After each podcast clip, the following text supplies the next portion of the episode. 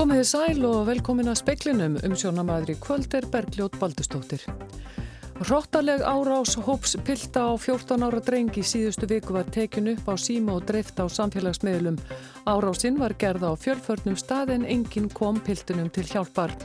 Íslensk þryggjamanna fjölskylda sem hefur dvalið í Wuhanborg í Kína verður fluttaðan í flugvila á vegum Evrópusambandsins á næstunni. Náinn vinur og ráðgjafi Donald Trump spandaríkjafósetta fekk rúmlega þryggja ára fangelsistóm í dag fyrir að bera ljúvittni og fleiri afbrót. Fósettin reyndi að hafa áhrif á niðurstöðu dómarans. Ekki er verulegur ágreiningur milli eblingar og reykjavíkuborgar um hækkun grunnlauna í yfirstandandi kjaradeilu, miklu munar hins vegar á tilbóðum þeirra þegar kemur að sérstökum viðbótagreislum. Nefnundum í tíundabekk réttarhaldsskóla verður bóðið upp á bóklegt nám í næstu viku þó að skólanum hafi verið lokað vegna verkfalls eblingar. Og samkominlægi sem fyrverandi ríkislauglustjóri gerði við tíu undurmenn hjá ennbættinu mun kosta ríkisjóð 360 miljónir. Först laun hjá þessum starfsmunum fyrir dagfunnu hækkuða meðaltalum 314.000. Myndskeið sem sínir hóp unglinga ráðast með höggum og spörkum á 14 ára drengi síðust viku hefur verið í dreifingu á samfélagsmiðlum. Forstöðum aður á skamtíma heimili fyrir unglinga segir slíkar árásir og upptökur af þeim nánast í tísku. Gæstu sjón! Gæstu bótt Fréttastofa hefur undir höndum myndskeið sem sínir hróttalegt ofbeldi hóps drengja gegn einum 14 ára pildi. Árásinn var gerð við byðstöð Strætós í Hamraborg í Kópói í síðustu viku. Fjölmarkir voru viðstættir en ekki er að sjá að neitt reyni að stöðvað ofbeldið. Sigurður Holm Gunnarsson, forstöðumadur á skamtíma heimili fyrir unglinga, segir þetta ekki einstæmi. Nei, því miður ekki. Ehm, því miður veit ég um nokkur atvik sem eru svipuð. Þetta virðist verið eitthvað í ég veit ekki, tísku núna að ungt fólk sé að, að, að ráðast á aðra og takað upp á síman sinn. Segir Sigurður Holm Gunnarsson, Alma Ómarsdóttir tók saman, nánar er fjallaðu málið í sjómasfréttum. Íslensk þryggjamanna fjölskylda sem hefur dvalið í Wuhanborg í Kína verður fluttaðan í flugvél á vegum Evrópusambansins á næstunni. Fram kemur í stöðuskíslu almannavarnadeildar ríkislauglustjóra sem gefin var út í dag að Íslensk stjórnvöld vinni að því að koma fólkinu í þessa flugferð. Í skíslunu segir jafnframt að fjölskyldan hafi engin enkenni COVID-19 veirunar. Samkvæmt upplýsingum frá sóttvarnalækni, Þórólfi Guðnasinni, er búið að loka fyrir allar samgöngur til og frá Wuhanborg. Þetta er því eina leiðin fyrir fjölskylduna til að komast aðan. COVID-19 veiran getur valdið alvarlegri lúnabólgu og hafa langflest smitin verið í Kína. Hér á landi er unnið samkvæmt óvissustígi og enginn hefur grenst með veiruna en 24 síni hafa verið rannsökuð.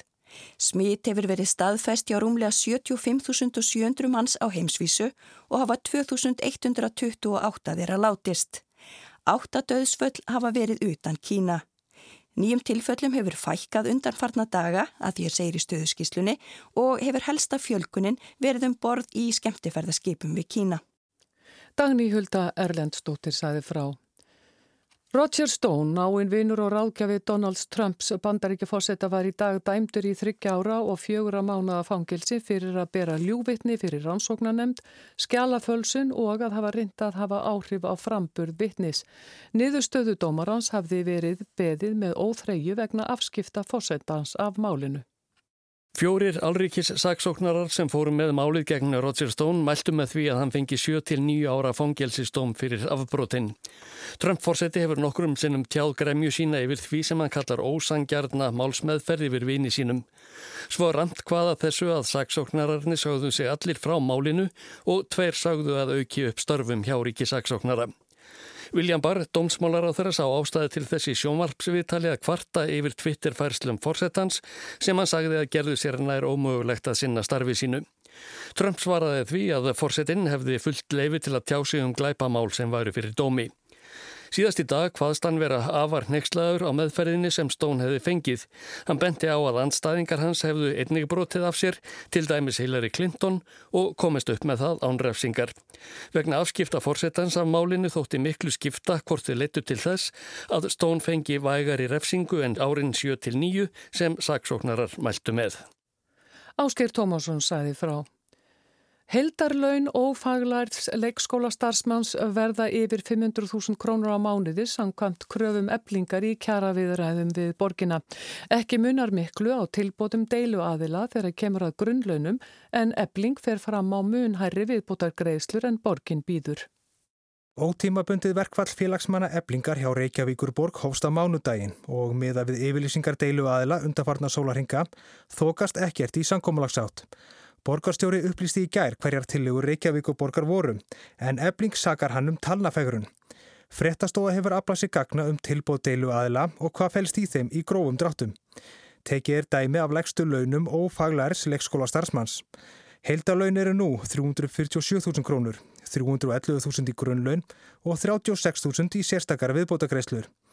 Hefði verið samið eftir strípuðum lífskjærasamningi meða við óbreyttan matar og kaffetíma, myndu grunnlaunin hækka í réttrumar 400.000 krónur í lok samningstíma. Viðbóta greiðslur hækkuði 47.000 og heildalaun því tæpar 448.000 krónur. Tilbóður Reykjavíkurborgar, líkt og borgarstjóru útlistæði gær, hljóður upp á hækkun grunnlauna upp í 420.000 krónur við lok samningstíma. Viðbóta greiðslur eru um 39.000 krónur, þannig að hilda laun verða rétt tæpar 460.000 krónur. Tilbóð eblingar hljóður upp á hækkun grunnluna upp í 410.000 krónur. Það sem skilur hins vegar á milli eru viðbóta greiðslutnar sem eblingallar leiðrætingu. Sankon þeim er þið svo upphæði í þessu tiltekna dæmi 98.000 þannig að heilda laun eru tæplega 509.000 krónur. Magnús Geir Ejjólfsson sæði frá. Sveitafélögin 6 sem standa rekstri sorpu bera ábyrð á rekstri félagsins og því getur það ekki farið í greiðsluð þrótt, segja forsvarsmenn félagsins. Haraldur Sverrisson, bæjastjóri Mósfellsbæjar, sagði á fundi í vikunni að sorpa væri á leiði greiðsluð þrótt og þurfti, e, þurfi 600 miljóna króna lán til að halda reksturinnum áfram. Í tilkynningu sem sorpa sendi frá sér í dag segir að fyrirtækið hafi verið í miklum fjárfestingum undanfarið, ljóst sé að ganga þurfi frá hildar fjármögnun þess til að standa undir þeim. Eigandur sorpu gætu þurft að leggja fram meira fjö til rekstararins svo hann verði treyður. Helgi Tór Ingarsson, starfandi framkvæmtastjóri sorpu, sagði í hátegisfréttum rúf að hugtækið greiðslu þrótt eigi ekki við þar sem sorpa sé byggðarsamlag. Þannig beri sveitafélögin ábyrð á reksturinnum hversu illa sem hann standi. Lögregla var kölluð af Mosku við Rítsenspark í miðborg Lunduna í dag vegna nýfa árásar. Samkvæmt breskum fjölmiðlum hlaut maður á áttræðisaldri stungusár. Hann var fluttur á sjúkrahós en hann er ekki í lífsætu. Vittni segja fórnarlampir hafa leitt eh, bænir í Moskunni. Karl maðurinn var handtekinn á staðnum grunaður um mortilraun. Samkvæmt myndum að vettfangi var maðurinn ungur og kvítur. Nýtt launasamkómulag sem Haraldur Jóhannesson sen gerði í ágúst á síðasta ári kostar ríkisjóð 360 miljónir. Samkómulagi náði til tvekja yfirlaurglu þjóna og sjö aðstóðar yfirlaurglu þjóna en einn yfirlaurglu þjón og einn aðstóðar yfirlaurglu þjón eru áfram með óbreytt först mánadarlaun fyrir dagvinnu. Þetta kemur fram í svari fjármálaráþera við fyrirspurn Ólafs Ísleifssonar Þingmanns miðflokksins. Í svari ráþera kemur fram að meðaltal fastra mánaðalöna hjá þeim sem skrifuð undir samkómulæð við Harald hafi farið úr rúmum 670.000 í 986.000. Föst laun hjá þessum starfsmönnum fyrir dagvunu hækkuðu því að meðaltali um 314.000 eða 48%. Lauruglustjórun á Suðunesum gerði svipað samkómulag við einn aðstóðar yfir laurugluþjón sem let af störfum vegna aldurs í oktober en bætið ber sjálft kostnaðin af þeirri hækkun sem nefnur 66 miljónum. Ólafur Ísleisson segir í samtali við fréttastofu að þær upplýsingar sem þarna komið fram séu umhugsunarefni og veki upp spurningar um valdheimildir til að stopna til svona útgjalda. Þetta opni sín inn í veruleika sem sé áhugaverður svo vakt sé til orða tekið.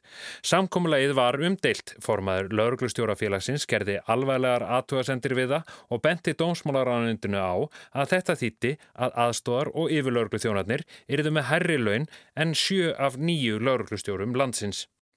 Freyr Gíja Gunnarsson tók saman. Ótímabundi verkfall um 8.000 starfsmanna ríkis og sveitafélaga hefst eftir rúmar tvær vikur ef kjara samningar hef ekki tekist fyrir þann tíma. Verkfallsbóðun í félögum innan BSRB var samþitt með miklu meirhluta. Vegna verkfalls eblingar hefur skólahald verið fælt niður í réttarhaldsskóla til stendur þó að tíundu bekkingar mæti í skólan í næstu viku og að yngri nefnundum verði bóðið upp á fjarnám. Ef voru verkvöldum með BSRB-félagana verður munu þau hafa vítæk áhrif á mjög mörgum ofinberum vinnustöðum, landsbítalanum, skólum, leikskólum og frístundaheimilum, svo einhverjir séu nefndir. 9. mars eiga tímabundin verkvöld að hefja sem standa flest í tvo sólarhinga. 15. april eða strax eftir páska á svo hefjast allsæri verkvöld innan BSRB. En ótímabundi verkvöld sameikis og fleiri félaga hefst strax 9. mars. Það nær til skóla og frístundaheimila á nær öllu höfuborgarsvæðinu og á Akranesi. Frístundaheimilunum verður loka strax og skólarnir geta þraukað í þrjá til fjóra daga. En telur Sonja Ír Þorbergstóttir, formadur BSRB, líkur á að úr verkböllum verði. Ef ég horfi aftur til samninsverðana sem er búin að vera núna í 11 mánuði og líka bara undanfarnar daga og vikur, að þá vona ég að tilkynningin um verkvall verði til þess að við sem myndum setja aukinn þunga í viðræðnar en hins vegar gætu þetta að fara svo að við þurfum að fara í verkvall. Það er eh, döðans alvara að búa til verkvalla en það þarf tvo til, er það eitthvað frekar eh, viðsefndunum að kenna en ykkur að það hafi gengið svona hægt? Það þarf tvo til en við höfum hins vegar alltaf komið undirbúin og, og tilbúin í samtalið í kjærarsamlingsverðanum Við upplifum ekki það sama hjá launagrendum, við upplifum seinagang og við upplifum að það sé ekki alltaf verið að reyna að leita að lausna. Kjærasamningar fela í sér yfirleitt málamiðlanir, felur ekki í sér einhversi búin að fyrirfram ákveða niðurstöðuna og sittir bara fastur þar. Hverju eru þið að mótmáliða, uh, hvers vegna eru þið örg, uh, hvað er það sem að, ja, stendur á? eins og staðan er núna að þá er búið að vera að leggja mikla áherslu umræðum styrtingu vinnuökunar í vaktavinnu og þeim er að fækka að lausa endunum þar en þess, hins vegar þarf að halda áfram til þess að klára þetta verkefni. Þar fyrir utan að þá hefur verið með kröfum jöfnu launamilli markaða sem kemur til vegna lofórs og grundvillig breytinga og lífeyrisréttindum og það er ennþá eftir að klára, að klára umræðu um orlofsmál sem er komið til vegna lagabreitinga. Svo er stóra málið eftir sem er launaliðurinn og er hjá aldafélaginu sjálfu. Fyrir leikmann eh, hljómarði eins og þetta eh, sénanast ekki komið áleiðis eftir tæplega 11 mánuði. Það er búið að ræða alla þessa hluti fram og aftur og það er kannski varpar einmitt skýru ljósa á þetta að það hefði verið velhægt að klára þetta fyrir þó nokkur mörgum mánuðum ef að villi hefði verið til. Og það ríkir óvissum verkvall eblingar í borginni sem úr á fjórðadegi á meðan fyllast ruslatunnur og róðurinn þingist í skólum og á umvannunar heimilum.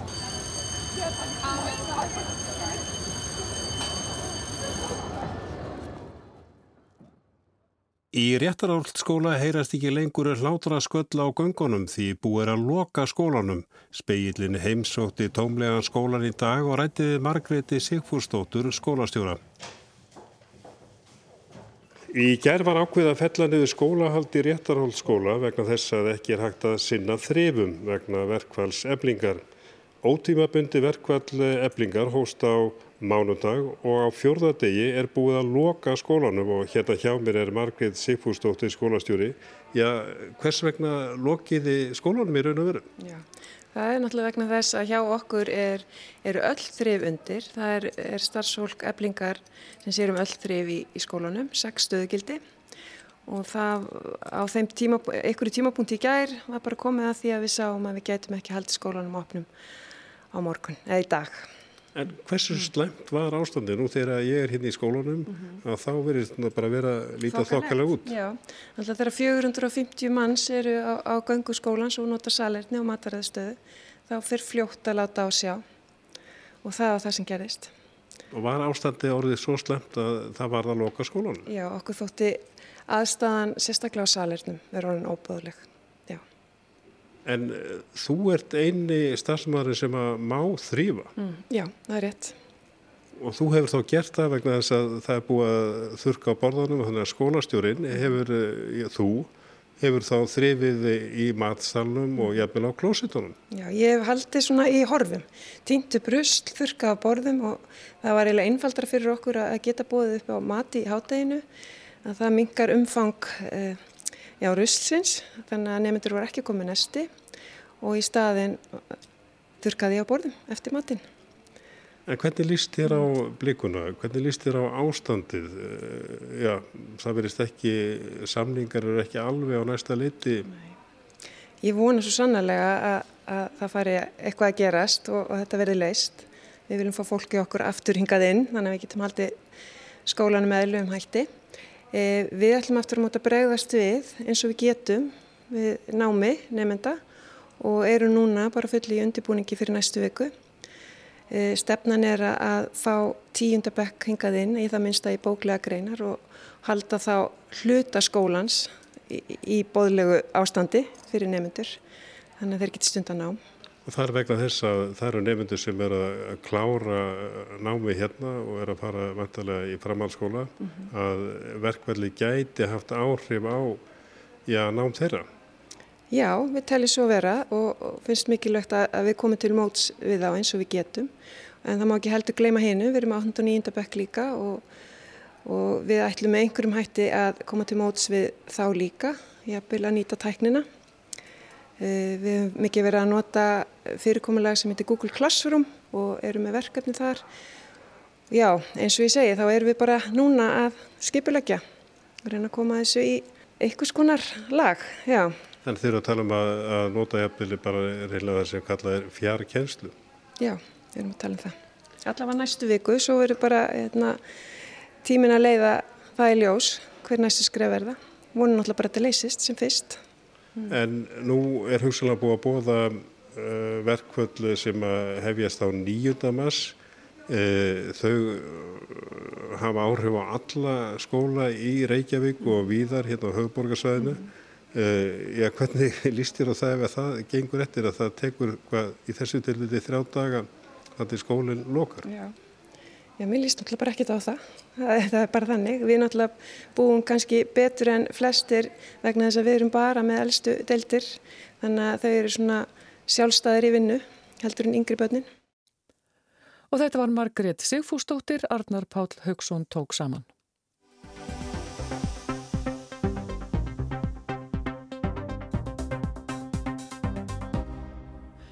Jim Ratcliffe, eitt mesti auðkýfingur breyta, er stæsti landegandi á Íslandi. Hann á grímstaði á fjöllum, stæstu jörð á Íslandi en annars hefur hann einbeitt sér að lagsveiði jörðum á Norðausturlandi. Þessi samþjöppun Egnarhalds hefur leitt til umræðina um hvort breyta ætti lögum um jarðakaup. Nú er komið fram frumvarpum breytingar á jarðalögum og fleiri lögum er snerta fastegnir. 11 árum fyrir fullveldi Íslands 1918 voru alþingismenn farnir að huga að rétti útlendinga til að kaupa íslenskar fastegnir, samanber fossalögin. Árið áður hafði norska þingið samþygt paníklögin svo kolluðu til að hindra að útlendingar keiftu norsk land og þar með náttúrgæði eins og skóa og fossa. Á Íslandi 1907 þótti ótrúlegt að útlendingar gætu haft áhuga öðru en íslenskum fossum, þar af fossalögin, fyrsta takmörkun á rétti útlendinga til fastegna kaupa á Íslandi. Spólum fram á okkar daga að nýju stjórnarfrumvarfi sem varðar eignarhald náttúrugæða, ekki sprottið af áhuga útlendinga á fossum, heldur samþjöppun eignarhalds lagsveiðjarða. Í frumvarpinu eru því breytingar á fernum lögum, meðal annars þinglýsingalögum og jarðalögum, varða eignaráð og nýtingu fastegna og snúast meðal annars um gagsægi og landnýtingu. Í nýja frumvarpinu kemur glögt fram að vandin er í sjálfu sér ekki erlend eignarhald, heldur samþjöppun eigna og ógagsætt eignarhald. Í greina gerð með frumvarpinu segir að erlendir lögaðilar með óljóst eignarhald hafi keift nokkur fjölda jarða í vissum landslutum. Kaupverð eigna sé átt ekki upplýst í þinglýstum afsölum sem þó torveldi til dæmis ákverðun fastegnamats. Lýsingin á við jarðakaup stærsta landeganda á Íslandi. Könnun fréttaskýringa þáttarins Kveiks í haust síndi að breski auðkjöfingurinn Jim Ratcliffe á eða á ítök í 41 jörð, flestar við 8 lagsveiði ár á Norðausturlandi. og hann álíka stæstu jörð á Íslandi, Grímstað og Fjöllum. Allir vita hver eigandin er, en nafn Ratcliffs er hverki nefnt í ofinbörum skjölum og skrám. Hugum fyrst að gagsæinu öllu heldur skort á því. Það kom ekki til sögunar með kaupum Ratcliffs. Oppan af lagsveðjörðunum keifti Ratcliffe af umsvegamanninum Jónasi Kristinsinni.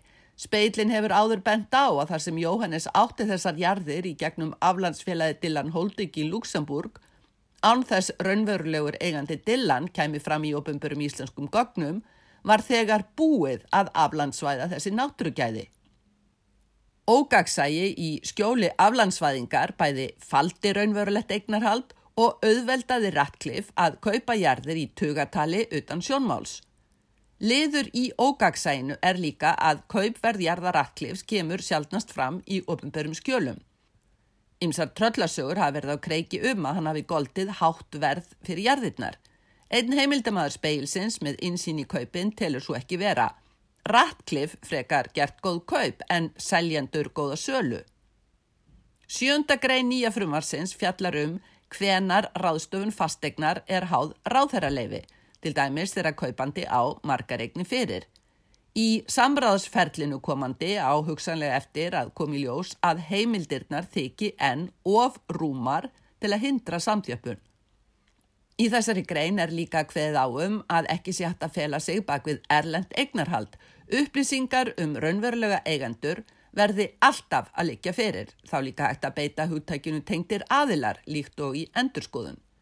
Gagsægi og landnýting þá einnig fæður ekki eru mun mikilværi þættir en var þegar jarðalögunum var breytt 2004. Án gagsæs fæst til dæmis ekki yfir sín yfir eignarhald til að móta landnýtingastefnu og í greinagerðin er nýtt á að þó Ísland sé stort með að við mannfjölda er aðeins um 6% af flatamáli landsins gott rættarland áhugavert út frá fæðuriki. Frumvarpið treystir tök nær samfélagsins á eignum og gæðum en kannski þarf meira til Árið 2004 var forköpsréttur sveitarfélaga feldur úr jarðalónum. Eftir á að higgja telja ymsir að það hefði verið grundvallar mistök, ekki að því sveitarfélaga ættu að vera að kaupa alla jarðir sem eru þar til sölu, heldur til að gefa sveitarfélaginu insýn í viðskiptin. Ákvaði nú um ráðherraleifi ítir undir samráð við sveitarfélagin en enn engin forköpsréttur. Umhugsunarefnin hér eru mjög mörg, ímser telja að það vanti enn sárlega stefnu sem til dæmis taki tillit til verðmæta í vasknæktum og ósnortnum landi. Er ríkið þetta að kaupa grímstað og fjöllum? Frumvarpið er skref í átt að gagsægi, veitir ráð þeirra ramma til aðtapna en það tryggir ekki valdbeitingar þrek þeirra á reynir. Eitt viðmælandi benti á að samþjöppun í eignarhaldi jarða væri eins og uppblástur, fyrst getið af jöðrunum, á endanum aðeins stöku torfur eftir. Sigrún Davísdóttir sæði frá. Á íþróttavöllum eiga standstæðingar og jafnvel þjóðir við. Orðin sem eru nóttuðum íþróttunar vísa oft í bardaga, jafnvel vopnaviðskipti, en um leið haft orðið það sín og betra útkljá deilur og ágreining á kappvelli en vígaslóð. Uppgangur landsliða sé eflandi fyrir þjóðurniskend og þjóðar stolt. Fáir þjóðaleðtóðar gangast meira upp í því að nota íþróttir og íþróttaviðburði markvist til að styrkja sig og hasla þjóðsynni völl og alþjóðavettvangi en Vladimir Putin fórsetið Rúslands.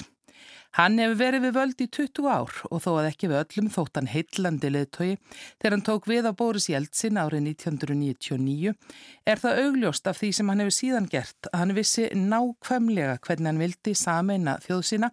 Þar áttu íþróttina mikinn þátt, segir danski vísindamaðurinn Flemming Splísböl sem hefur beint sjónum sínum sérstaklega að Rúslandi og alþjóða samskiptum. Á vef danska útvarsins DR er fjallaðum það hvernig Putin hefur beitt íþróttunum og sínum eigin kroppi til að hasla sér völl og fleka eða tæla þjóð sína til fylgilags. Það dreyin upp líkindi með Putin og öðrum sterkum leðtoga sem var hallur undir það að koma fram berað ofan Benito Mussolini leðtoga fasist á Ítalju. Splitsböll segir að þetta hafi rúsneska fórsetanum tekist mæta vel gagvart þjóðsynni. Opnunar háttíð vetrar olimpíuleikana í Sochi árið 2014 hafi verið vel hefnað sjónarspil þar sem tjálta var til öllu því besta sem Rúsland hafiði að bjóða.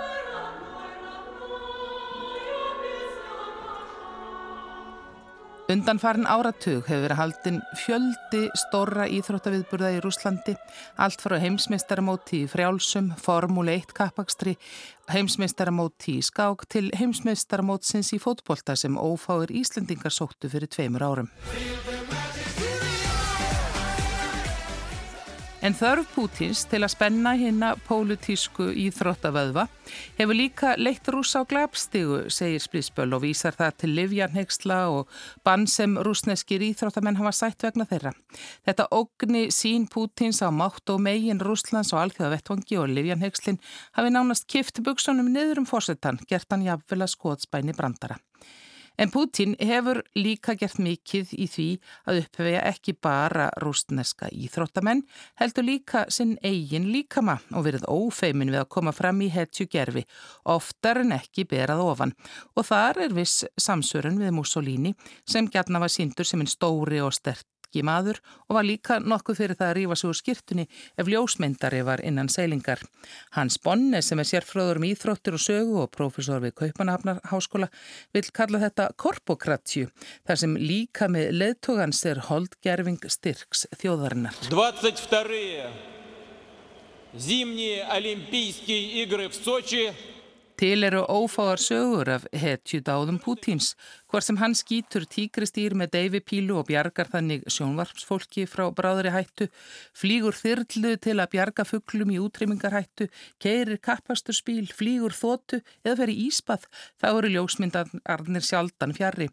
Og þó hann hafi kannski örlítið dreyjur aflraununum eftir því sem aldurinn ferðist yfir, kann hann enna baða sig í ljóma íþrótta afreika annara.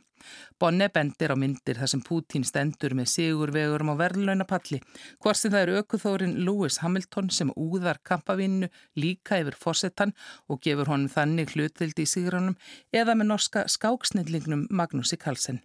Nándin við sigurvegarna bæti í styrk og áru Pútins. Forsetin stóli enda á ásind sína og það hvernig hann táldrægi með henni rúsnesku þjóðina frekar en hvernig hún hegðar sér í kjörklefanum. Það geti vel verið að tröllasögurnar og myndirnar þykki hlægilegar hjá vestrænum þjóðum segi Bonni en heima fyrir hafi þetta fallið í frjóan jarðveg og þessir íþrótta tilburðir séu raun framhald á game kapplöpi Stutt er síðan ríkistjórn Rúslands fór frá völdum og í stað Dimitris Medvedevs, gæðings Pútins sem hefur áður tekið þátt í stólaskiptum við fóringjan, kom nýr maður Mikael Mishustin. Pútín kynnti stjórnarskrárbeitingar sem talið er að ég að tryggja honum áfram völd hvort sem það verður á fórsetastóli eða sem formaður ríkisráðs sem falin eru meiri völd en enn er ekki orðiljóst hver stefnir. Bóðið hefur verið þjóðaratkvæðagreisla í vor sem þykir tíðendi í líðræðis átt. Fæstir sjá nokkuð farasnið á Pútín. En ef marka má tilraun sem Bashir Dokov, ungur maður, sem haftur sig frammi á samfélagsmiðlum gerðinnilega, eru rússar ekki allir slegnir blindu í aðdáðun sin á Pútín. Dokov hengdi upp stóra glansmynd af fórsetanum í liftu í fjölbylishús í Moskvu, myndaði svo viðbröð í búana. Margir kiftu sér nokkið mikið upp við að mæta leðtóðanum þannig í liftunni en ófáir flissuðu, aðrir nussuðu, sumur bölfuðu og reyndu jafnvel að kipa honum niður.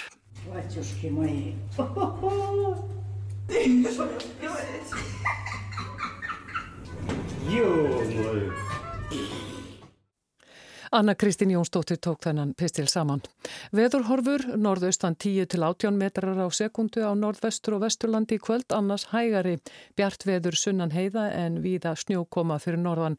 Norðaustan og austan 13 til 20 á morgun en 8 til 13 á austanverðurlandinu. Slitta eða snjókoma á köplum sunnan til jél norðan og norðaustanlands en úr komu lítið annar staðar. Hiti um eða undir frostmarki. Fleira er ekki speiklinum í kvöld. Magnús Þorstedt Magnússon sendi út verði sæl.